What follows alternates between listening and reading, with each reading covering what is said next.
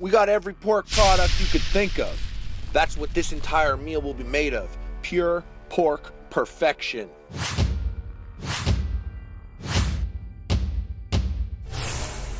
You suck at cooking, yeah, you totally suck. Salad. I agree. It sounds boring, but this one's really delicious. This is a Napa cabbage. Hej og velkommen til den her video her. I dag, der skal jeg slå verdensrekorden i at spise Happy Meals. Woo! You guys remember that time when Ty, Ty Burrell died on, on the screen? Hey, what's going on, everybody? For First We Feast, I'm Sean Evans, and you're watching Hot Ones. It's the show with hot questions and even hotter wings. We out here in front of Noma, Copenhagen. Fucking stoned out of my mind with 46,000 courses. Look at this scene. Hey, what's up, guys? Welcome back to Binging with Babish, where this week we're taking a look at the enchiladas from Schitt's Creek, as well as answer the question that plagues the Rose family just how does one fold in the cheese?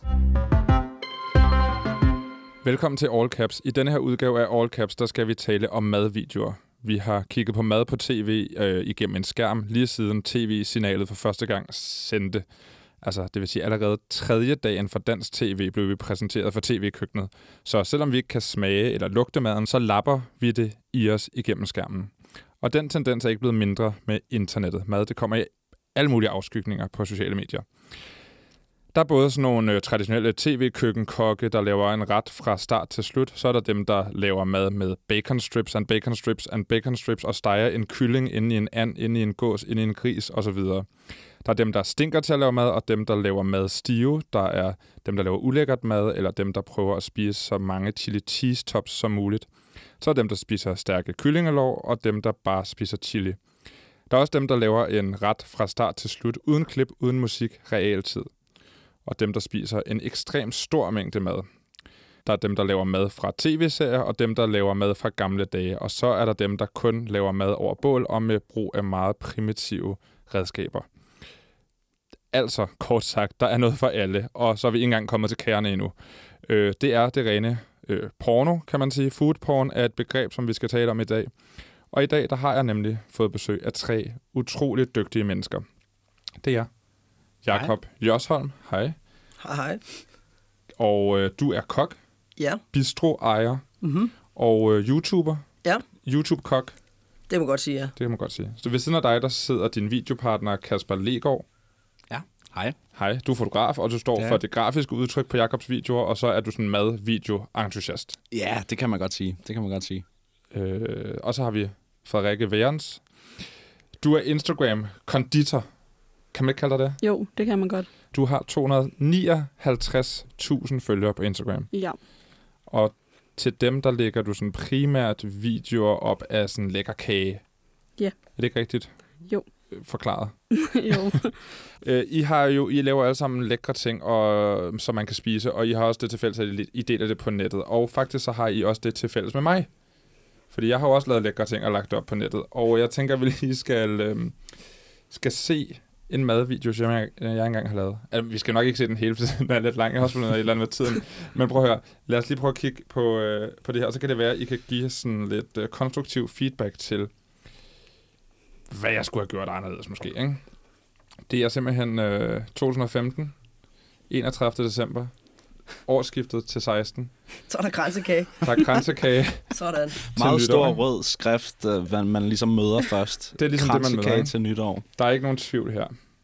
Øh, lad os se, hvad der sker. Der skal laves kransekage. Man skal bruge marcipan. En vægt her. Så når vi lige der, skal have en skål. Det er en meget simpel præsentation af redskaber, ikke? Jo. Et halvt kilo marcipan. Sådan der, cirka 500 gram. Det er helt perfekt. Flormelis fra Dansk Sukker. Når man laver det her, så er det altså øh, vigtigt at give sig god tid, fordi at øh, det skal være meget nøjagtigt. Nu kan I se, putte lidt for meget af det der i, så putter jeg også lidt for meget af det her i. Og altså, hvad tænker I om, øh, om udtrykket? Det kommer man op i her. Der er lidt, øh, lidt tasty over det. Der, det var dengang Tasty ligesom ja. var, var på sit hotteste, ikke? Det er Altså, det. jeg tror også måske mere, det er sådan en Facebook-Instagram-video, end det måske er YouTube, ikke? Jo, det, det var i hvert fald øh, inspirationskilden. Ja. Men jeg kan godt lide øh, din, din noget sådan afslappede tilgang til det. Sådan, hvis der var lidt for meget af det, så putter vi også bare lidt for meget af det. Den kunne Jacob også godt lave. Ja, det kunne jeg godt lave. Jeg kunne heller ikke så meget med opskrifter. Altså, men jeg synes jo, det der ser vildt ulækkert ud. Ja. Men det er meget illustrativt. Så er der frokostpause i videoen. Nå, det var ligesom bare for at illustrere, at alle kan lave en video med mad, hvis man har lyst til det, men måske skal man tænke lidt over det visuelle. Hvad, altså, farverne, lyssætningen og sådan noget. Hvad, hvad tænker I her? Du er dig, øh, Frederikke, der er mest øh, kage-personen mm. her. Hvad tænker du? Altså, jeg tænker ikke så meget selv over øh, farver og lys, fordi Nej. jeg gør det ligesom bare i momentet, hvor det er, at jeg skærer kagen ud og skærer gaflen ned. Øhm, så det er ikke noget, jeg sådan... Altså, jeg står ikke... Altså, jo, selvfølgelig tænker jeg over, at det sådan er naturligt lys og ikke er helt mørkt. Men jeg tænker bare over, at det skal se lækkert og flot ud. Og så er det noget med, farverne skal passe lidt rigtigt til, hvordan sådan nogle farver er i virkeligheden, og ikke være alt for gule eller for... Mm. Altså, Ja. ikke? Hvad tænker du, kamera øh, Jamen, jeg, jeg, det her med farverne, som du også siger, jeg kender det jo selv fra, hvis jeg sidder og redigerer et billede af en bøf eller sådan noget, så lige pludselig kan den godt øh, blive lidt gul, ikke? Øh, og det ser ikke så lækkert ud. Øh, det, den var meget lavpraktisk, øh, men det er jo det, der er fedt, at alle nu til dags kan gøre det der og dele det med folk. Og så måske man er skidegod på kamera, og så lige pludselig så er man stjerne, ikke? Det har vi jo set. Og alle skal jo starte et sted, kan man sige. Ja, det er det. Altså. Ja. det, er det. Og jeg er sgu heller ikke stolt af de første par videoer, vi lavede. øh, det er jo ret flat og øh, meget stift og ikke særlig godt. Ja, når du siger det, så snakker du så om, om sådan, hvordan det er redigeret og filmet og sådan noget, ikke? mit arbejde. Ja. Jeg var heller ikke så skarp på de første videoer, det skal der være ærlig omkring. Vi kommer tilbage til, hvordan I startede, og hvordan alt det forløb øh, lidt senere. Nu starter jeg lige med at sige velkommen til lytteren. Mit navn er Anton Gade Nielsen, og det her det er All Caps på Radio Loud. Og All Caps er jo et radioprogram, der ikke råber af hinanden på internettet. Nu skal vi høre fra en ekspert, og han, øh, jeg talte med en Ph.D. tidligere i dag, som hedder Jonathan Lær, og øh, han forsker i mad og identitet og kultur. Jonathan Lær, du er Ph.D. på Center for Ledelse og Oplevelsesdesign, og så er du forsker i madkultur med særligt fokus på mad som kultur og identitet. Kan du altså, ultrakort fortælle øh, lidt, lidt mere om dit øh, forskningsfelt? Ja, altså jeg har jo forsket i en del år i det her med mad som kultur, altså det vil sige, hvad mad betyder, ikke så meget det ernæringsmæssige, men hvad mad ligesom betyder for folk, og hvad det har betydet øh, i forskellige sammenhænge, og så med særlig fokus på medierne, øh, og det var særligt i øh, tv-mediet dengang, og nu er jeg så begyndt at arbejde lidt mere med sociale medier, øh, blandt andet hvad på Instagram, øh, men også hvordan man som forsker kan forholde sig til de her øh, enorme mængder af madbilleder og madvideoer og sådan noget, som vi møder hele tiden øh, på de sociale, nye digitale medier og platforme. Hvad tror du grunden til, at vi møder det i så mange afskygninger på så mange måder på sociale medier? Jamen, jeg synes, det er ret sjovt. Øh, det er fordi mad er jo en fantastisk måde til at kommunikere, øh, hvem vi er og hvem vi gerne vil være. Øhm, og øh, det er også, øh, synes jeg, meget interessant, hvor forskellige formater, måske specielt på YouTube, som mad egentlig øh, optræder i. Fordi man kunne sige, at i gamle dage, så var øh, den måde, som man så, altså du går tilbage til tv'ets køkkenets fødsel, så de madvideoer, der var der, det var meget sådan nogle øh, tutorials, hvor der var nogle meget kloge mennesker, typisk i sådan en kokkeuniform, så det var klart, hvordan de var, eller det var sådan nogle husmorlærlingagtige typer, der så forklarede mere eller mindre sofistikeret mad, og det gjorde ekstremt langsomt, hvis man så ser det i forhold til moderne formater. Ikke? Og, og jeg var inde og tjekke nogle af de lister, man kan finde med, med forskellige, hvorfor nogle videoer, der har været de mest populære på YouTube. Øhm, og der er øhm, nogle meget sjove ændringer, synes jeg, også i forhold til sådan det tv-køkken, som jeg beskæftiger mig med for en tirs tid siden. Altså, at, at det i stigende grad handler om øh, mange forskellige ting. For eksempel er der nogle er der mange videoer med sådan noget street food, eller sådan lidt eksotisk mad, hvordan man gør det i forskellige dele af egne, som endnu ikke helt er, er sådan lever op til moderne vestlige standarder, er der alle mulige sådan lidt mere øh, ting omkring det. Så er der også rigtig mange sådan lidt mere jackass-agtige videoer, sådan noget som, hvor folk prøver at bygge verdens største burger, eller, eller lave sådan noget helt crazy, eller et eller andet form for eksperiment, øh, som også er der. Men så er der også de helt traditionelle, altså Gordon Ramsay laver en burger, eller laver scrambled eggs, øh, eller nogle af de ting der, hvor det sådan set er, øh, er meget, meget, meget enkelt. øh, men hvor der det der tutorial element stadigvæk er der på en eller anden måde. Og så er der også dem, hvor der ikke er nogen personer med, øh, som jeg også synes er noget relativt nyt, som man måske øh, heller ikke så i tv altså hvor man bare ser et par hænder, der bevæger sig, øh, og så sker der noget med maden. Og det kan også tit være sådan noget ret, øh, noget hvor det, øh, det ydre er meget, øh, spiller en meget stor rolle, for eksempel sådan noget med, øh, med pyntning af kager og øh, krømmel og alle sådan forskellige ting. Og det er jo helt klart så lidt i, øh, i, øh, i bagstrømmen på hele det her øh, kagedysthalløj, ikke? hvor der også hele tiden er den der dekoration og pyntning, der spiller en, øh, en meget, meget stor rolle. Ikke? Øhm, så så det, det tror jeg, det er nogle ret sjove ting, og det kan man sige, der er det jo visuelt jo noget, der følger en, en, en meget stor rolle, og man kan jo, man taler også inden for forskningen om sådan noget med food porn, altså mad, pornografi, hvor man sådan set tager nogle af de ting, der er fra, øh, fra pornoens univers, det der sådan super sensuelle olie, der flyder, øh, smør, der sådan sitrer og knitrer, men også sådan de der tunger, der slikker, eller hvad det kan være, ikke? der på en eller anden måde skal give den der fornemmelse af, at man selv er der. Ikke? Så det er ikke bare et billede af en ostemad, men en ostemad, der øh, er filmet på en sensuel måde, og måske med sådan, øh, øh, bliver spist af en sensuel mund. Ja, fordi noget af det, som der er øh, belønningen ved at lave et måltid mad for sig selv, det er jo, at man får lov til at spise det bagefter. Og, Ja. øh, og hvad er belønningen, når man sidder og ser det på en skærm? Altså lad os sige, at vi sidder og ser en kok, der laver en ret fra ende til anden. Hvad er belønningen? Jamen, øh, der kan sige, der er jo noget læring i det, for det Mm. første. Ikke? Altså en eller anden form for sådan forståelse for, hvordan man kan gøre det.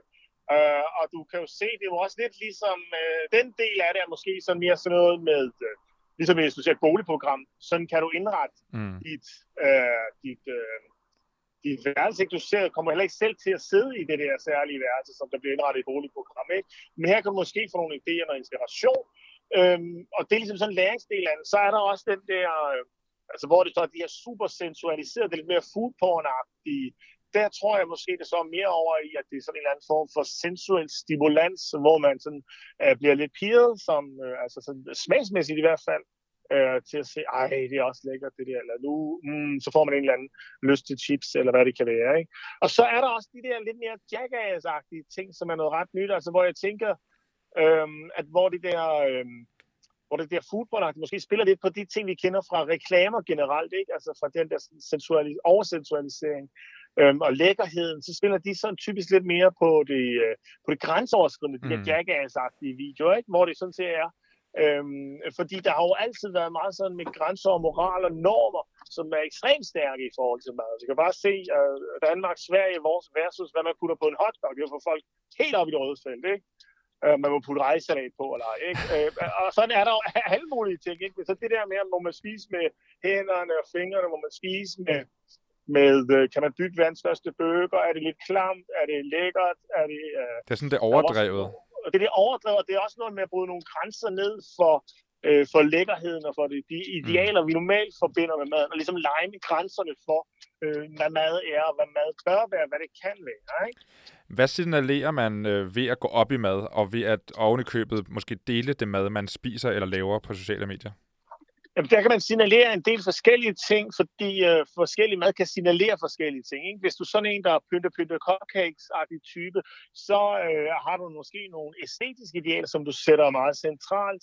Hvis du er mere den type, der går hen og så pynter, øh, eller ikke pynter så meget, men måske har det der så lidt mere bæredygtighedsfokus og lokalmad, så kan du i sætte dig selv som det etisk gode menneske, det menneske, der ligesom engagerer sig igennem sine måltider, også i omverdenen, ikke bare i min egen nydelse, men også i at gøre noget godt for planeten, og derfor også være sådan moralsk godt øh, menneske, for eksempel. Ikke? Det kan også være, at du arbejder med madspil og signalerer det, og igen der prøver at, øh, at gøre noget godt. Men jeg synes måske, de to ting på de sociale medier, der, der slår mest igennem, det er det der, det er sådan noget super æstetiseret over øh, pussenusse noget, eller noget, der har sådan en stærk øh, etisk øh, dimension på en eller anden måde, ikke? og for tiden jo rigtig meget med bæredygtighed og klima og så videre.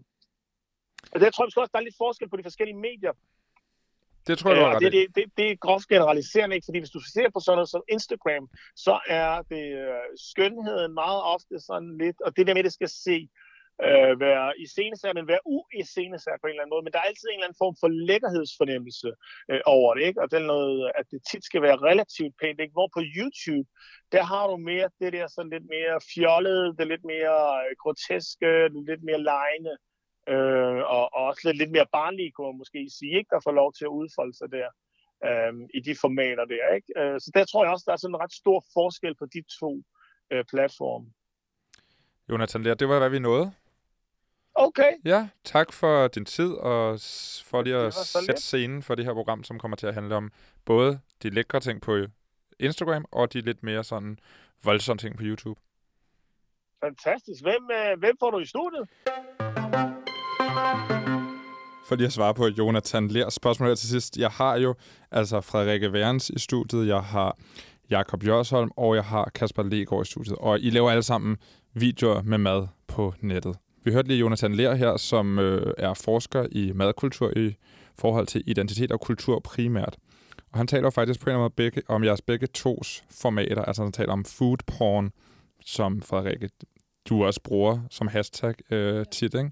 Og så taler om de her sådan lidt mere voldsomme ting på YouTube. Og selvom jeres ikke er altså voldsom, voldsom, verdens største burger eller øh, bacon over det hele, så er det jo lidt mere voldsomt i hvert fald. Hvad, øh, Jakob, hvad, hvad, hvad tænker du der om, om det, øh, Jonathan han, han siger her? Jamen, jeg synes faktisk, at han siger rigtig mange rigtige ting. Altså noget af det, som vi også, øh, den udvikling, vi har været igennem, vi startede meget som det, han snakker om, med det her meget, meget old school, øh, hvor der ligesom er en kok, der viser, sådan laver man den her opskrift hvor vi nærmest ikke engang smærkte på det til sidst og sådan nogle ting, hvor vi er gået mere over ligesom, og, og lært, hvad det er, folk gerne vil se ind på YouTube. Og, øh, og vi fandt jo meget, meget hurtigt ud af, at i starten, der lavede vi rigtig mange rigtig lækre retter, og vi brugte rigtig lang tid på at forberede os på de her retter. Øhm, og vi smagte ikke engang på dem til sidst, som sagt. Øh, men, men vi viste ligesom, sådan her kommer du fra alle de her råvarer ja. til at få en ret på bordet. Den meget klassiske tv-køkken-kok i virkeligheden, ikke? Ja, ja, lige præcis. Lige præcis. Og der, der finder vi så ud af, at, at det kun er en lille bitte niche-del ja. af de mennesker, der gerne vil se den. Det er kun dem, der laver rigtig meget mad derhjemme selv. Og øh, så gik vi stille og roligt over til at lave den her fastfood-serie, for eksempel fastfood derhjemme, hvor vi lavede en, en, en Big Mac. Vi anede ikke, hvordan man gjorde det, men vi startede simpelthen bare med at købe en Big Mac, og så skilte den fra hinanden, og så okay, nu, hvordan laver vi dressing, ja. hvordan laver vi bøffen og så videre. Og, og gik lidt over i sådan et underholdningsmoment, øh, og finder så ud af, at der er, altså, der, der, der er en større øh, skar af mennesker, der gerne vil se sådan nogle ting. Det er i hvert fald det, som vi har, har lært af det. Og det er en perfekt teaser til den snak, vi skal have lige om lidt om det. Øh, først vil jeg høre øh, dig, Kasper Legaard. Du, du, du, du laver, du er pro, pro, producer, kan man vel sige, Mm. på de her videoer, Ja. og, og filmer det. Men det, nogle af de ting, som øh, Jonathan snakker om her, det er jo sådan noget som for eksempel Epic Mealtime, som jo ja. laver altså nogle fuldstændig vanvittige øh, ting. Hvad, hvad, hvilke tendenser ser du til, til den slags videoer på, på YouTube? Altså, øh, Jeg synes faktisk ikke, Epic Mealtime er nok det mest voldsomme, der har været. Ikke? Øhm, men men efter, jeg, jeg, jeg mener også, at de var de første, der virkelig gik amok med det der. Ja. Øhm, det er mange år gammelt jo i virkeligheden, ja, ikke? De, ja, de det startede. det. Ja, men, men du ser det jo over det hele nu, og du ser YouTubere, som ikke er mad-YouTubere, som skal prøve at lave verdens største burger, som du siger, ikke? Jo. Og, og øh, jeg tror, det gået op for folk, at folk de virkelig elskede Epic Mealtime. Altså, kan du ikke lige bare sådan helt kort forklare, hvad Epic Mealtime var? Jo, Epic Mealtime er den her gruppe øh, store mænd med skæg, øh, og deres koncept er egentlig bare, at øh, de skal have rigtig meget bacon på. Så, så, så de kan lave, altså, de laver hvad som helst, ikke? Men så Ja. propper de det ind i bacon, og så propper de lidt ekstra på, og så lidt mere bacon, og så står de med en eller anden stor kugle af kød og, og fedt, ikke? Til sidst. Øhm, det er meget vulgært. Ja, og det er jo også noget, der beskriver lidt som det der Jackass-univers, Det er som meget ligesom er blevet Ja. til. Og det, det er vel rigtigt, nu ved jeg ikke, hvor, langt, hvor gammelt det er, det der Epic Mealtime. Nej, det ved jeg sgu faktisk heller ikke. Altså, jeg tror, det er øh, næsten 10 år gammelt, noget af det. Ja. Okay. Ja. ja. Frederikke, hvad, øh, hvad tænker du om det her med, at Jonathan beskriver øh, noget af det som sensuelt, og det her med, at man ligesom kan se safterne flyde, og det bliver det er meget grafisk på en eller anden måde, ikke? Hvad, hvad tænker Ja. du om det? Altså, det er jo det, jeg sådan selv arbejder med, Ja. kan man sige. Øh, I og med, at jeg lægger billeder og videoer, for det meste videoer, øh, op, hvor at jeg ligesom skærer gaflen igennem en kage, hvor at karamellen flyder ud, og altså, man kan nærmest sådan smage det ved at se på videoen, og man har lyst til at tage en bid. Øhm, og det kan godt være, det ser sådan lidt voldsomt ud, men det er jo sådan, det ser ud. Så jeg prøver ligesom at skabe sådan et moment af, hvordan det er at sidde ved et kagebord, for eksempel. Og det, der er interessant, når du siger, at du primært deler videoer, det er jo, at normalt, når man ser i kogebøger og sådan noget, så ser man jo det færdige pr- produkt, det færdige resultat og den flotte kage, men du går lige skridtet videre og, se, og viser, hvordan det ser ud, når man tager hul på den sm- smukke Ja. kage. Altså, det der, at du bryder den i stykker, er det en vigtig del af det for dig? Ja, meget. Hvorfor? Øhm, altså, jeg laver også nogle how-to-videoer, øhm, men det er også for at vise ved, altså det færdige produkt, øh, hvordan at det ligesom kommer til at se ud. Og det kan godt være, at det ser lidt svært ud at lave det, øhm, men det er faktisk ikke så svært. Men det her med, at du skær, putter en gaffel igennem det, hvad gør det for mig som seer? Hvorfor gør det det ekstra lækkert, tror du? Mm, altså, det er jo som at sidde der selv. Ja. Øhm, selv sidde og skære ned i en kage. Lad os dykke lidt længere ned i, i din, din Instagram. Kan du ikke prøve til at starte med at forklare, hvordan ser dit feed ud? Øh, det er meget øh, brunt og fyldt med chokolade og karamel. Det er det øhm, og lidt bær og kaffe og ja, alle mulige lækre ting og sager. Både kager og mad. Og hvad du, du deler... Øh, hvor langt har du delt den her slags indhold på Instagram? Altså, jeg har haft min Instagram-profil i cirka 11 år. Og til at starte med var det interiør. Øh, og så begyndte jeg at lægge øh, billeder ud af smoothies og sådan lidt mad. Øhm, og så var der folk, der begyndte at spørge mig om opskrifter. Og så øh, startede jeg en blog, og så er det bare rullet derfra. Øhm, så nu deler jeg øh, videoer og billeder på min Instagram-profil, for ligesom at få folk til at komme over på min blog, øh, så de kan se opskriften og selv prøve øh, de ting, jeg deler. Ja, for mange af de ting, du deler, er korte videoer og billeder, hvor man ikke ligesom ser, hvordan du laver produkter, men mere viser, hvordan det ser ud. Ja. Så for at få, den, for, for at få opskriften, så skal man videre. Ja. Ja, og det er strategien. Ja. Du startede med interiør. Mm. Altså, var det helt tilfældigt? Var det fordi, du var en af de typer, som lagde et billede op af din mad, eller din, du lige havde lavet nogle muffins, og så var folk sådan, hey, det ser lækkert ud? Øh, jeg tror, det var den måde, jeg redigerede mine billeder på dengang. Øh, det var meget sådan lyst og minimalistisk. Øhm, og så tror jeg bare, at altså, mine billeder blev også delt øh, på forskellige andre store profiler, og så er det bare ja, rullet derfra. Jakob og Kasper, har I øh, kigget på, øh, på Frederikkes profil? Ja, jeg har, jeg har godt lige siddet og stalket lidt herinde, og det ser jo sindssygt lækkert ud. Det gør det. Det gør det. Og noget, jeg tror også, der, der gør meget med det der foodporn-begreb, når man ligesom ser billederne, at, at du kan ikke stoppe. Altså, hvis det er en video, Mm. der var 20 sekunder, og det er et eller andet andet, og man har set noget andet først, altså, så, så kan, du, kan du hurtigt scrolle videre. Altså, man ser det så kort tid, når man ligger i sit feed og scroller. Men når man ser sådan noget der, så er man nødt til lige at se det færdigt, og man bliver sulten, og, og mm. du har sikkert fået opfordret rigtig mange til lige at, at ryge kageskabet derhjemme. Ikke? altså, det, det ser virkelig lækkert ud. Ja. Mm. Ja, men det er nemlig det her med den, den der sådan uh, instant belønning, du får, ja. altså resultater med det samme, og så er du klar til at se den næste, og den næste, og den næste. Er det noget, du tænker over, når du laver det? Ja, fordi at jeg vil jo gerne have, at folk også selv prøver at lave øh, de kager, jeg deler. Så det er jo vigtigt for mig, at det ser lækkert ud, øh, og at de så kommer over på min blog øh, og læser opskriften. Så det skal jo se lækkert ud og indbydende ud. Du har, øh, som jeg sagde i starten, 256.000... 200... 59.000. Jamen, jeg er ikke så god til tal. Du har, som jeg sagde i starten, 259.000 følgere. Ja. Hvad ved du om dem? Øh, jeg ved, at ca. 80.000 af dem er danskere, Mhm. øhm, og så er der følgere fra hele verden derudover. Og hvad kan de allerbedst lide, når, du- hvad kan de allerbedst lide af det, du lægger op? De kan allerbedst lide noget med chokolade og karamel, fordi det bare er lækkert. Og ja. det Ja. er noget, alle kan relatere til. Det er internationalt. Ja. internationalt lækkert. Og, og, og jeg ved, du eksperimenterer lidt med sådan nogle nye greb en gang imellem. Under coronakrisen, der be- begyndte du at lave den her kaffe, som lige pludselig blev en ting. Kan du Ja. lige prøve at forklare lidt om den? Det var Dalgona iskaffen, som er sådan en iskaffe med sådan en kaffeskum ovenpå. Og jeg så en video af det på TikTok, og så prøvede jeg selv at lave det, og så gik det fuldstændig amok. Altså jeg blev tagget i, altså jeg ved ikke hvor mange øh, iskaffe stories om dagen. Det var helt sindssygt. Du, var, du bragte det i virkeligheden til, måske til Instagram? Ja, Fra TikTok? I hvert fald i Danmark. Ja. Og hvad er det, der er ved den her kaffe? Altså, det er jo lidt, lidt mærkeligt at snakke om, men der er et eller andet specielt ved den her kaffe, som gør den ekstra attraktiv på et visuelt medie. Ja, altså det her skum, altså det ser, men altså det er vand og sukker og instant kaffepulver, man pisker sammen, og man tænker, hvordan kan det blive det sådan skum? Men det kan det, og jeg tror bare, at folk synes, at det var lidt underligt, at det kunne lade sig gøre, og så var der bare vildt mange, der prøvede det selv, og så, ja, Så det gik, det gik lidt, af, lidt amok på det ja tidspunkt. det kan man godt sige. Og, det, og corona, coronakrisen er sådan en, en gennemgående ting for et program, der handler om internet, for der skete ekstremt mange spændende ting på sociale medier under coronakrisen. Og jeg ved også, Jacob, når vi kommer til, til om lidt til at snakke lidt om, om dig og dit projekt, så spiller coronakrisen også en rolle. Ikke? Mm-hmm. Øh, har du kunne se et eller andet andet peak på dine profiler og dine, din, øh, opslag under corona? Altså, surdej var det helt store. og det prøvede jeg også selv at eksperimentere med, øh, at lægge videoer op af surdej. Og det eksploderede også fuldstændig, også på min blog. Kan, fungerer surdej på video? Ja, fordi man, hvis man laver en video, hvor man sådan rører rundt i surdejen, så bobler den og siger sådan nogle lyde. Og hvordan, hvad, hvor, meget, hvor, meget, hvor stor en rolle spiller lyd? Rigtig stor. Hvad for, hvad for nogle lyde?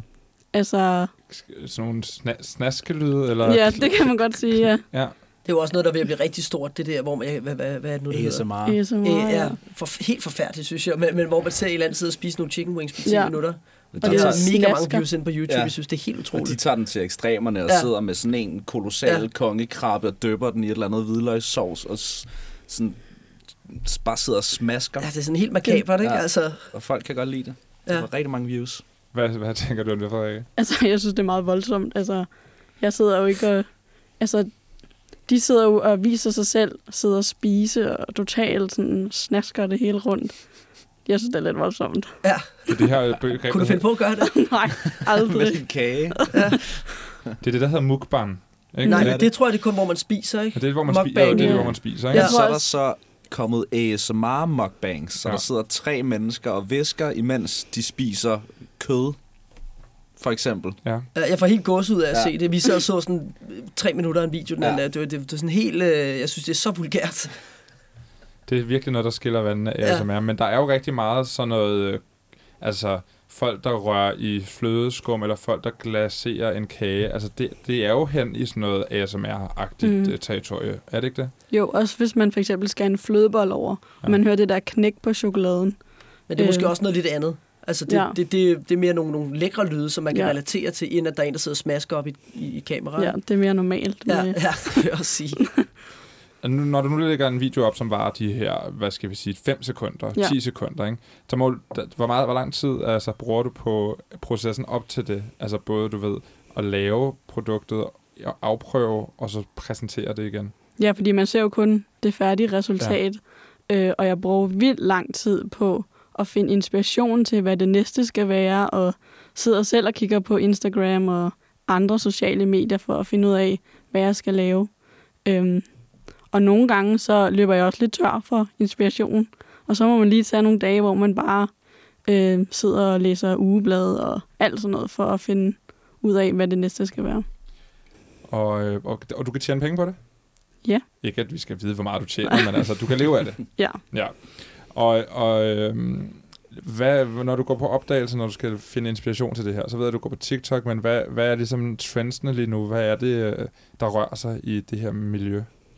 Mm, altså, lige nu er det faktisk ret meget med sådan nogle øh, smooth, altså sådan nice cream for eksempel, hvor man ser, at det bliver blendet i en blender, og så man tager en ske og rører sådan der igennem, så det ser vildt cremet og lækkert ud. Hvad er nice cream? Det er bananis. Is lavet på frosne bananer. Kun Og så lidt vand og lidt vanilje. sindssygt. Se opskriften på mm. Tekst TV. Vildt. Okay, det er simpelthen trenden nu. Ja, det har jeg i hvert fald, det har jeg i hvert fald selv prøvet at lave også. Og så har du lavet, øhm, hvad hedder det, Kinder Bueno Nå, ja. ja. hen over kaffekop under en Nespresso-maskine. Prøv lige at fortælle om den øh, idé. Ja, jeg så en video på et tidspunkt, det var faktisk på Instagram, af en, der lavede en video, hvor at der lå et stykke chokolade på en kaffekop, og så tændte hun kaffemaskinen, og så kom der så kaffe ned på chokoladen, sådan så den smeltede og røg ned i kruset. Det prøvede jeg selv at lave, og det var folk ret vilde med. Det er også foodporn, når det er bedst, ikke? Ja. Altså, Og man ser der, at chokoladen den sådan smelter så langsomt, og så lige pludselig så rører den ned i, i kaffen. Det er det indbegrebet af foodporn. Ja. Hvad tænker I? Altså, fordi nu, det, nu kommer vi hen og begynder at snakke lidt mere om jer, hvor I jo mm. bevæger jer mere i kød og råvarer, og ikke så meget i sukker og øh, kagecreme. Mm. Men der må være alligevel nogle fællestræk ved den måde, Frederikke arbejder med mediet på, og den måde, I gør det på, Kasper Legaard. Mm. Kan du ikke sige lidt eller andet om, om de ting, der I har til fælles på den måde? Jo, altså vi øh, snakker jo næsten om food porn hver eneste gang, vi skal ud og skyde et eller andet. Øhm, og, men, Men hvad jeg vil bare lige sige en ja. ting, jeg tænkte på, da du sad og snakkede om det. Sorry, jeg havde den Det bare lige i hovedet. Øhm, det, det er meget sjovt det her med ting, som egentlig ikke er noget hit i virkeligheden, men, men som bliver kæmpe på internettet. Sådan noget som sådan nogle, sådan nogle skumkager, som Mm. ligner sådan noget øhm, skumgummi, som folk laver over det hele på TikTok. Altså, det er sådan nogle pandekager?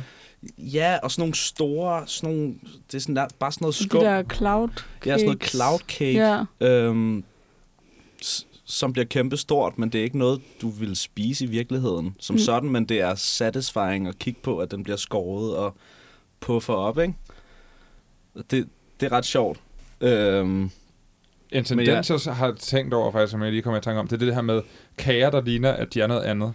Altså en sko, og Ja. så skærer Ja. man i den, Ja, og så så viser det sig, at det var en Ja. kage. Ja, det, er jo virkelig- også, det er jo også mega satisfying at se på. Ja. Altså, det, det er det jo et eller andet sted, ikke? og det er jo heller ikke noget, der du, du vil sidde og spise derhjemme måske, vel?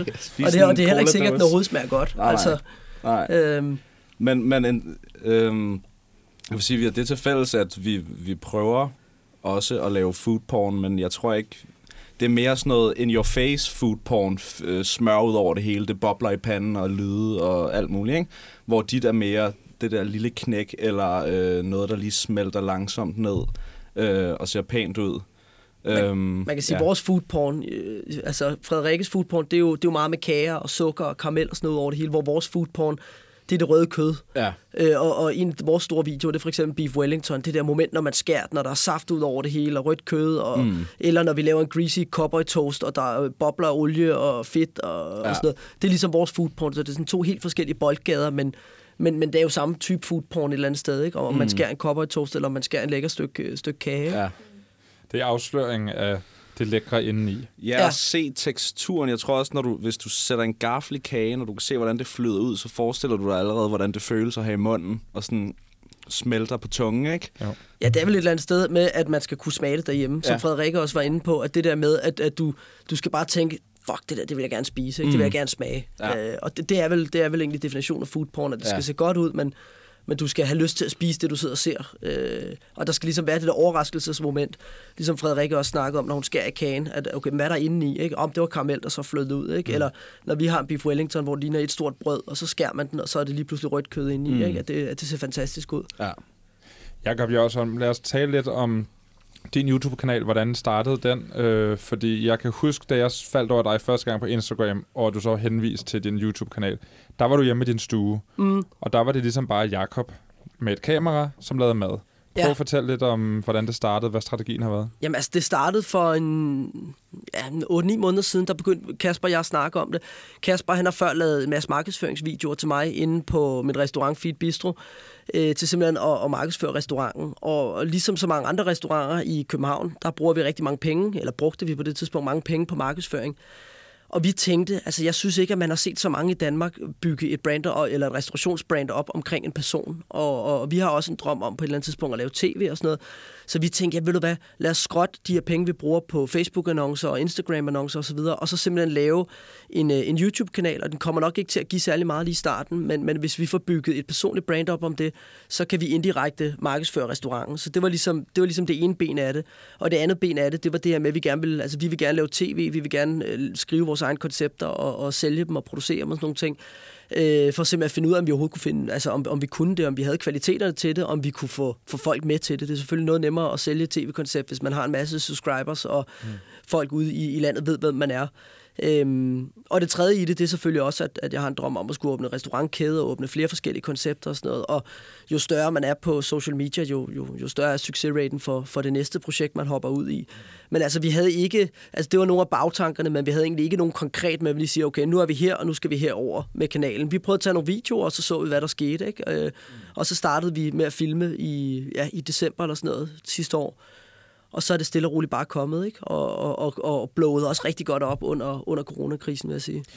Og, og det er meget traditionelt, eller i hvert fald i starten, meget traditionelt tv-køkken. Sådan her laver du beef wellington, Ja. sådan her laver du en lasagne, sådan her laver du et eller andet. Ja. Øh, en eller anden ret. Ja. Hvordan, har I, hvordan har det udviklet sig, både sådan, ja, nu tænker jeg på konceptet, men også stilen, det visuelle, længden, alle de ting? Jamen altså, det udvikler sig meget til, altså nu så, så kan Kasper lige snakke om det visuelle bagefter, men ja. det udvikler sig meget, for, altså i starten der brugte vi, der kunne vi godt bruge en 4-5 timer på at lave en video, og jeg havde forberedt mig helt vildt, og hver gang man lavede noget forkert, så klippede vi det ud, så det var meget poleret og meget perfekt, og der fik vi ikke særlig mange visninger, man skal selvfølgelig også i gang.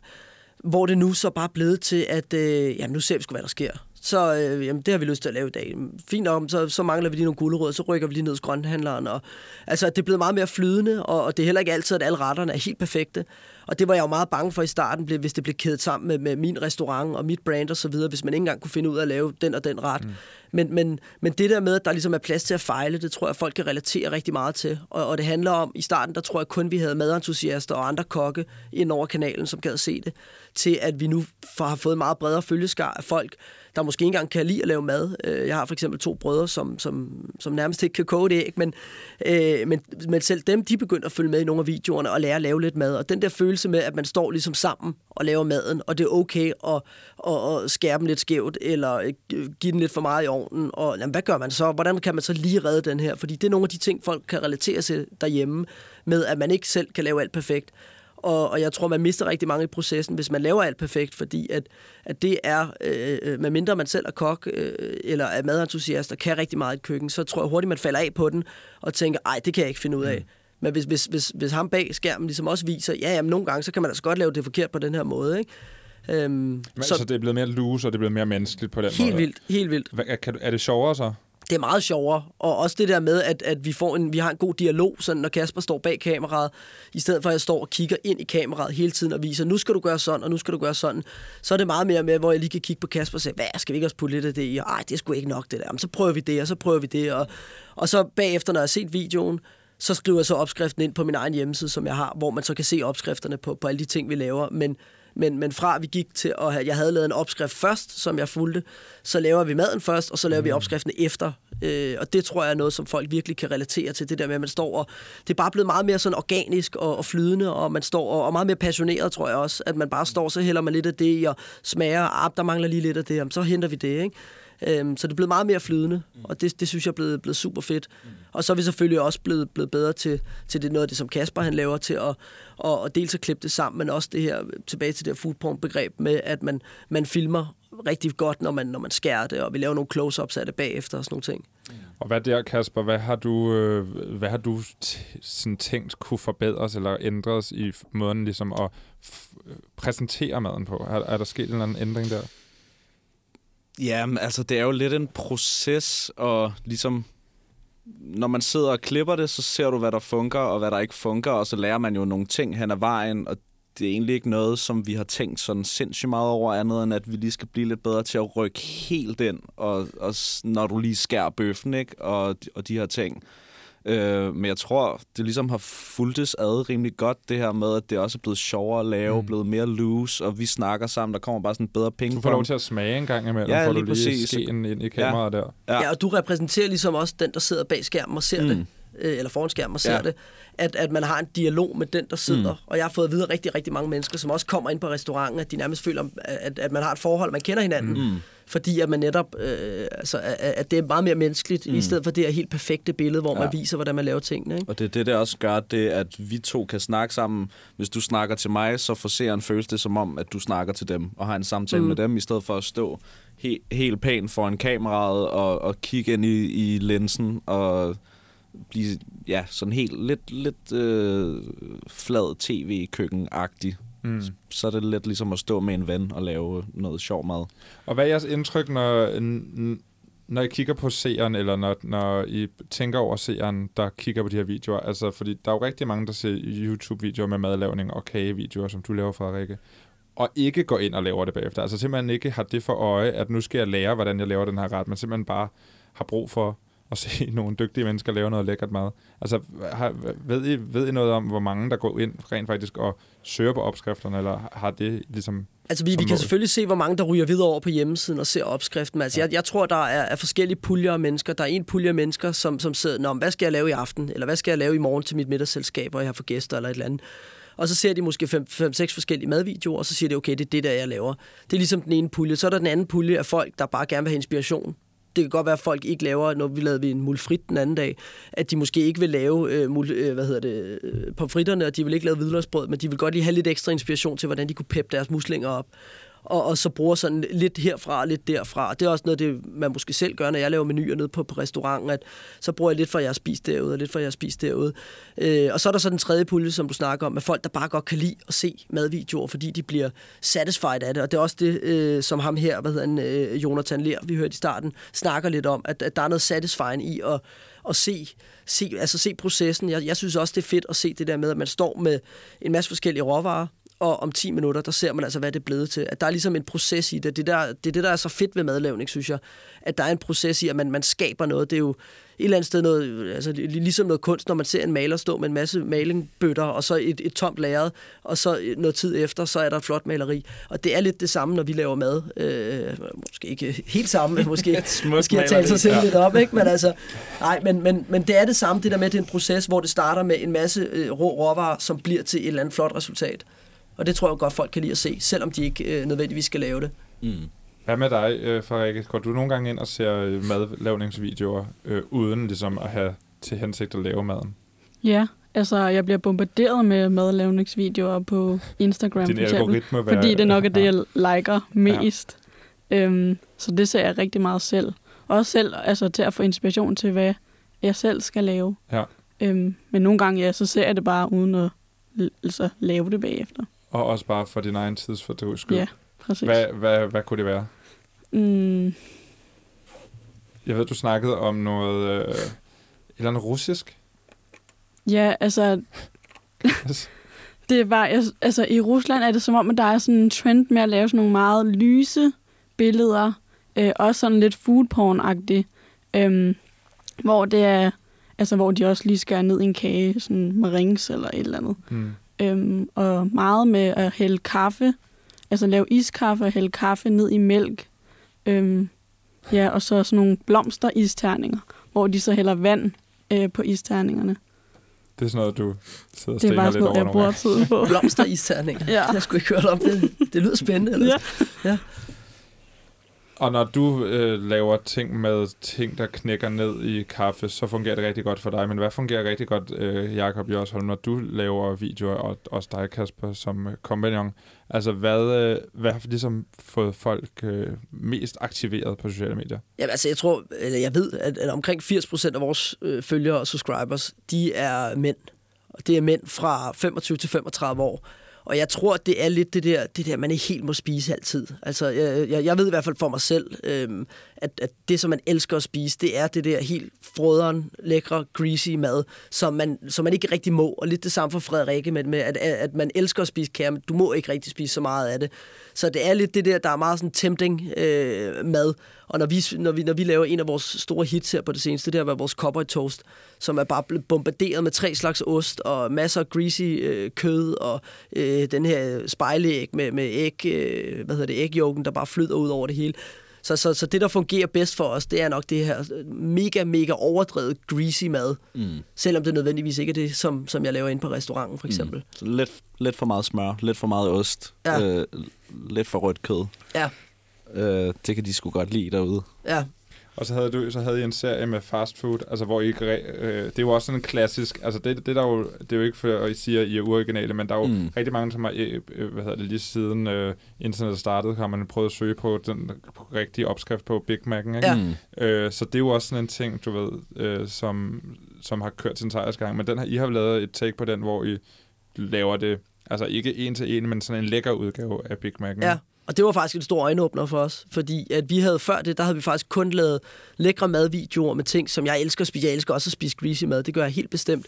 Men jeg elsker også at gå og nuse om en, en god beef wellington, eller en øh, mulfrit, eller nogle lækre crab cakes, eller et eller andet. Men der var ikke så mange visninger i det. Så da vi prøver at lave den her Big Mac, der tror jeg bare, der, der er igen det her med før, hvor man har måske nogle madentusiaster, nichefølgere, hvor man går ud og så ligesom har et lidt bredere publikum, fordi alle kender en Big Mac. Så derfor er det jo smart for os ligesom at, at gøre noget, som alle kan relatere til. Jeg tror, at øh, det må være størstedelen af Danmarks befolkning, der på et eller andet tidspunkt har prøvet at smage en Big Mac. Og der prøver vi at, at, igen at tage det ned. Jeg var lidt bange for, da vi lavede de der videoer, at man lige pludselig røg ind i en boks men man var nogle af de der lidt yngre YouTubere, som prøver at lave øh, nuggets eller øh, Big Mac eller hvad det er. Men vi prøver ligesom at tage løften op. Altså, hvordan smager sådan en, hvis man egentlig laver det med rigtige råvarer, i stedet for en eller anden frossen gennemhullet bøf fra McDonald's, som er, som er blevet dampet. Ikke? Altså, så prøver vi at lave det med gode, lækre råvarer, øh, og så se, hvordan resultatet bliver. Og hvad var, øh, hvad var ligesom øh, reaktionerne på det? Ja, men den fik helt, helt vildt meget. Den er næsten på 100.000 visninger og sådan noget nu. Ikke? Mm. Så, så det synes folk var mega fedt. Og det er jo også den her læring, når, så, som vi... Øh, altså når vi sidder og diskuterer, hvad det er, vi skal lave næste gang, ja. der, der, der kunne vi jo se, at jamen, der, den får fem gange så mange visninger som de andre ja. videoer. Jamen, lad os prøve noget mere af det, ikke? Og det er så blevet til en 5, 6, 7 episoder af det der fast food derhjemme, mm. ikke? Ja, og man bliver, man bliver bare nødt til at tænke clickbait. Du skal have folk til at trykke på de videoer der, og det gør du ikke ved at have en, et lille fint stykke fisk øh, liggende. Det gør du ved at have meterlange meter lange ostestrenge og altså øh, McDonald's logoer. Altså, hvis du kan få proppet de der ting ind, der er jo kliks i det, og så kan du få folks opmærksomhed på den måde. Og så ser de måske dine mindre clickbait-agtige videoer, men det er jo sådan set det samme indhold, men, men emnet er noget andet, som folk bare alt kan relatere til. Da øh, coronakrisen ramte, der øh, blev du nødt til at lukke din, din Bix, ikke? Jo. Fordi det, det var ligesom kravet, det var ja. reglerne, og så øh, lukkede du helt ned, og du startede ikke, der var en masse restauranter, der startede på at lave sådan noget takeaway-ordninger, hvor man Ja. kunne bestille og gå ned og hente det, Ja. ligesom for at overleve, ikke? Jo. Det valgte du også fra.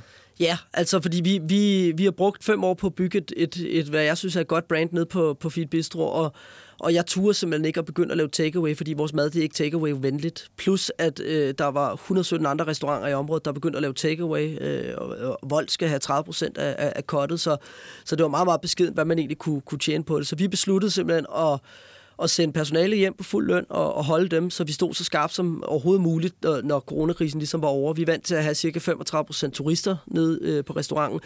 Så, så, så vi stod simpelthen der og, og tænkte, hvad fanden skal vi gøre? Øh, og, og vi fokuserede bare alt, hvad vi kunne på at stå så skarpt efter coronakrisen, når vi engang måtte åbne op igen på den anden side. Og det har så også øh, givet sig rigtig godt ud. Så vi begyndte at lave YouTube-videoer. Og du så, stod med for 20.000 kroner råvarer. Ja, det var i faktisk sådan, det startede. Og så ja. ringede jeg til Kasper og sagde, hey, kom ned med kameraet, så finder vi på noget. Vi havde ingen idé om, hvad vi skulle lave. Og så startede, startede vi stille og roligt bare med at tømme, vi, øh, hvad hedder det, tømme lageret. Og så skulle vi i hvert fald ikke smide råvarerne ud, kan man sige. Ikke? Øhm, og så lavede vi faktisk under coronakrisen, den første måned eller sådan noget, lavede vi en video hver dag. Og det var alt muligt forskelligt, vi lavede. Men der byggede vi hele køkkenet om, så, så det var tv-venligt, så vi kunne stå med kameraet og lys og alle sådan nogle ting. Og så gav vi den bare gas. Øhm, og det var der, det sådan virkelig blowede op. Også fordi, at man kunne selvfølgelig lægge to og to sammen og, og finde ud af, at, at nu er der coronakrise, alle er blevet sendt hjem, øh, og alle har rent faktisk endelig tid nu til at lave mad, og alle har tid til at fejle, så det ikke er sådan noget last minute fredag aften, der tør man ikke, når der kommer gæster om to timer, der prøver man ikke noget nyt, der prøver man det, man er vant til. Ja. Men nu har folk faktisk tid til at fejle, nu har folk tid til at stå og hygge sig, Øhm, så, så, så der tror jeg, vi tog et meget, godt, øh, altså meget god beslutning, og mm. havde det skide sjovt med det også. Det har jo vist sig at være en fed beslutning. Ja. Øh, Ja, for det var der, det startede. Vi gik fra øh, hvad, hvad, øh, 600-700 subscribers til 20.000 eller sådan noget, Mm. ikke under coronakrisen. Så, Vanvittigt. ja. Ja. så det virkede. Og I kan se nu også, at folk kender jer fra YouTube, når Ja. de kommer ned på restauranten. Ja. Ja. Det har givet rigtig, rigtig meget. Altså, vi har flere gæster nu, end vi havde før, og det er taget i betragtning, at vi har mistet 35 procent turister. Ja. Så, så det var en meget god beslutning. Det var en meget god. det var en frisk og god beslutning. Ja, det synes jeg. Tillykke med det. Jo, tak. Hvad, har du set nogle af Jakobs videoer, Frederikke? Ja, det har jeg. Hvad tænker du om det? Altså, jeg synes jo, det er mega fedt, når altså, der er en person på videoen, hvor man ligesom bedre kan relatere sig til, hvordan man laver de forskellige ting. Og det er jo, altså, det jo gør det også lidt sjovere, synes jeg. Mm. Øhm, ja, det er sådan lidt mere realistisk. Ja. Så når du for eksempel ser sådan en video, hvor der er en, der laver en kransekage, hvor man kun kan se hænderne, og så ser en, der laver... Og så No ser en, disrespect. og så ser en som Jakob, som, er, og, som tør stå ved det, Ja. så, så synes du trods alt, at han er, så- han er, er lidt bedre. Ja, bortset fra, altså, der var jo også... Altså, du talte jo ind over, Ja. Nå, okay. så man forstod det jo alligevel godt. Jeg Altså, ved ikke, om I hørte det, men der var altså også Happy New Year med ABBA, som spillede i baggrunden. Ej, hvor fedt. Det Nå. ved jeg faktisk ikke. Nå, tak øh, trods alt for at være så sød nu skal vi til det sidste indslag i programmet, som hedder Content, som jo simpelthen bare er, at vi kaster noget content i hovedet på lytteren, og så kan de gå ind og se lidt mere af noget af det lækre, ikke? Hvis du vil starte, Kasper Legaard. Ja, jamen jeg kunne vildt godt tænke mig at anbefale Binging with Babish. Uh, han er nok den uh, mad-YouTuber, jeg har set mest af. Uh, og det han gør, det er at tage uh, retter fra film og tv-serier, og så uh, prøver han at lave dem selv. Uh, jeg tror, hans, den video, han blev rigtig stor på, det var, at han lavede den der Ratatouille fra, fra Ratatouille-filmen, som alle jo gerne vil smage. Ja. Um, så det, jeg synes, det er et genialt koncept, og så har han bare sådan en dejlig, tør humor, som er lækker. Han er meget øh, underspillet. Ja, ja, meget. Meget. Han nørder mere, synes jeg. Sådan går mere ned og nørder med nogle forskellige processer og sådan noget. Og han er også virkelig sådan en udstyrsmand, som har øh, et piskeris i 20 størrelser, og, altså til, til alle formål, ikke? Ja. Men det, det er meget sjovt. Det er en god anbefaling. Han er, og han har en ekstremt behagelig stemme også. Mm. Og flot mand. Det er han. God anbefaling. Jakob Jørs, og det er ikke fordi, jeg skal anbe- anmelde din anbefaling, men jeg synes, det var en god anbefaling. Jakob Jørs, hvad, hvad vil du anbefale? Jamen altså, øh, hvis jeg skal være helt ærlig, så ser jeg jo ikke, jeg, jeg ser sgu ikke særlig meget andet YouTube, øh, for at være, ja, for at være helt ærlig. Det lærer, nej, det, det lyder meget selvfedt, men det lærer, det lærer lidt Kasper om. Altså, jeg vil helst ikke... Øh, Altså, jeg, jeg tror hurtigt, man kan, man kan komme til at gøre lidt for meget som de andre og sådan nogle ting. Så, så jeg lader hellere Kasper om det. Det har også været hans idé med, at vi skulle lave fast food og sådan nogle ting. Øhm, jeg er måske lidt mere old school. Jeg kan godt lide at se Anthony Bourdain, øh, eller Gordon Ramsay, og, øh, eller også Jamie Oliver. Øhm, og, og så ligesom bruge mit take på det. Jeg har set meget, rigtig meget tv, øh, specielt med, med Anthony Bourdain og, øh, og Gordon Ramsay, og, og ser nogle af de lækre ting, og ser nogle, altså bliver meget inspireret af, hvordan de er på kameraet, og hvordan de snakker til kameraet og til publikum. Øhm, så det er noget af det, jeg bliver meget inspireret af. De er også alle sammen begyndt, eller ikke Anthony Bourdain, han er død desværre, men, men, øh, men de andre to, de er også begyndt at være meget på YouTube, øh, og jeg synes Gordon Ramsay, ham synes jeg jo er helt fantastisk. Mm. Øhm, men han laver det hele lidt mere perfekt. Og han, ja. han, han giver ikke noget rum for at fejle og sådan nogle ting. Og han er jo også meget bedre end, end, øh, end mig og så mange andre. Øhm, men ham vil jeg da anbefale, fordi ham synes jeg bare er super, super fed. Mm. Og han er også begyndt at, at, at forstå det med, at man skal lave nogle lidt mere øh, food porn-agtige ting. Øhm, Han er også kommet anbefale. TikTok. Ja, det har jeg godt set. Det Han, kommer øh, nok ikke lige for mig. Men, han, øh, han reagerer på øh, andre mennesker, der laver noget meget dårlig mad. ja, det har jeg godt set. Det er ret sjovt. Ja. Det er ret Altså, sjovt. det er jo også det, han kan reagere på folk, der er dårlige til at lave mad. Det er jo også ligesom hans øh, Det er det, han kommer ikke? frem på næsten, ikke? Altså, Vi har også lige begge to genset øh, det allerførste program nogensinde med Ramsey. Det vil jeg anbefale. Som hedder Boiling Point, og det ligger på YouTube. Og det er en... Øh, Altså, det er ham, lidt- der er på kogepunktet hele tiden, eller hvad? ja, det er ja, første gang, han nogensinde laver tv. Det er sådan, faktisk, hvis man har set noget af det nyere Kitchen Nightmares, så er det meget mere ufiltreret Boiling Point. Ja. Øh, der, øh, han, er, han er rimelig vild, og også måske lidt for vild. Ja, man følger ham øh, få hans første Michelin-stjerner på hans første restaurant, hvor han selv har den 100%. Mm. Øh, og hvor fuldstændig absurd altså, han opfører sig. Han får, hvad er det, en, en, han bliver sagsøgt en gang om ugen af tidligere personale. øhm, men øh, det, det, ja, det synes jeg er meget underholdende, selvom det måske ikke er noget, vi bruger i vores... Øh, men der kan man ligesom se ham, før han forstår, hvordan man skal Mm. være poleret på tv. Ja. Det vil sige, der er måske en ting, du ikke skal lade dig inspirere af. Ja, Ja. hvordan han Den- snakker til sit personale. Ja. Ja. Ja. Den skal man ikke lige tage med Nej. videre. Nej. Det går ikke i Danmark. Frederikke Værens, hvad vil du anbefale? Jamen, jeg øh, følger en øh, ret sjov gut på øh, TikTok, som øh, øh, hedder Flaky Salt, som øh, han laver nogle vildt sjove videoer, hvor han ligesom kombinerer humor med madlavning. Og jeg er meget inspireret af den måde, han sådan præsenterer maden og hans stil. Den er meget sådan rustik, passer ret godt til min egen stil. Øh, og så er det sådan noget med, så hvis han taber et æg, og det smadrer, så bliver der zoomet ind på hans ansigt, hvor han bare ser mega ked af, ud af det. Og sådan, ja, han er bare ret sjov. Og det er også nogle snack-size videoer jo, for Ja. det er jo et højst et minut, ikke? Jo. Ja, det er sådan meget hurtigt. Altså, det er meget hurtigt filmet. Mm. Er du også selv på TikTok? Ja. Ja. Der deler jeg sådan stort set det samme, som jeg gør på Instagram, men det er bare en helt anden målgruppe. Mm. Det er en meget yngre målgruppe der. Og vi linker selvfølgelig til alt jeres SoMe også i øh, beskrivelsen til den her podcast, hvor jeg også lægger de her anbefalinger, så folk selv kan gå ind og kigge på det. Og så anbefaler lige hurtigt her til sidst min yndlings YouTube-kanal, som jeg har fulgt, altså lige siden den startede, som hedder You Suck at Cooking, Mm. som er, øh, altså man ved ikke, hvordan han ser ud, det er bare hans hænder, lidt, øh, lidt måske inspireret af en kransekagevideo, vi så tidligere, men altså, du ved, øh, det er, øh, det er noget af det sjoveste, der findes på mad YouTube, tror jeg. Altså, han er, han laver nogle meget, meget mærkelige ting, og det er ikke særligt lækkert særligt tit, men det er ekstremt sjovt fundet på, og meget, meget skægt skrevet. Han siger nogle fantastiske sætninger undervejs. You suck at cooking, og jeg tror måske, at det er lige så meget ham selv, der gør det. Det var, det var, all, det var programmet. Fedt. All caps. Tak fordi I kom. Altså. Det var hyggeligt. Det var rigtig hyggeligt. All Caps er produceret på og af Enigma Museum for Post, Tele og Kommunikation. I redaktionen der sidder Nana Schmidt Nordeskov, Marie Høst og jeg selv, jeg hedder Anton Gade Nielsen. Tak fordi du lyttede med, og vi ses.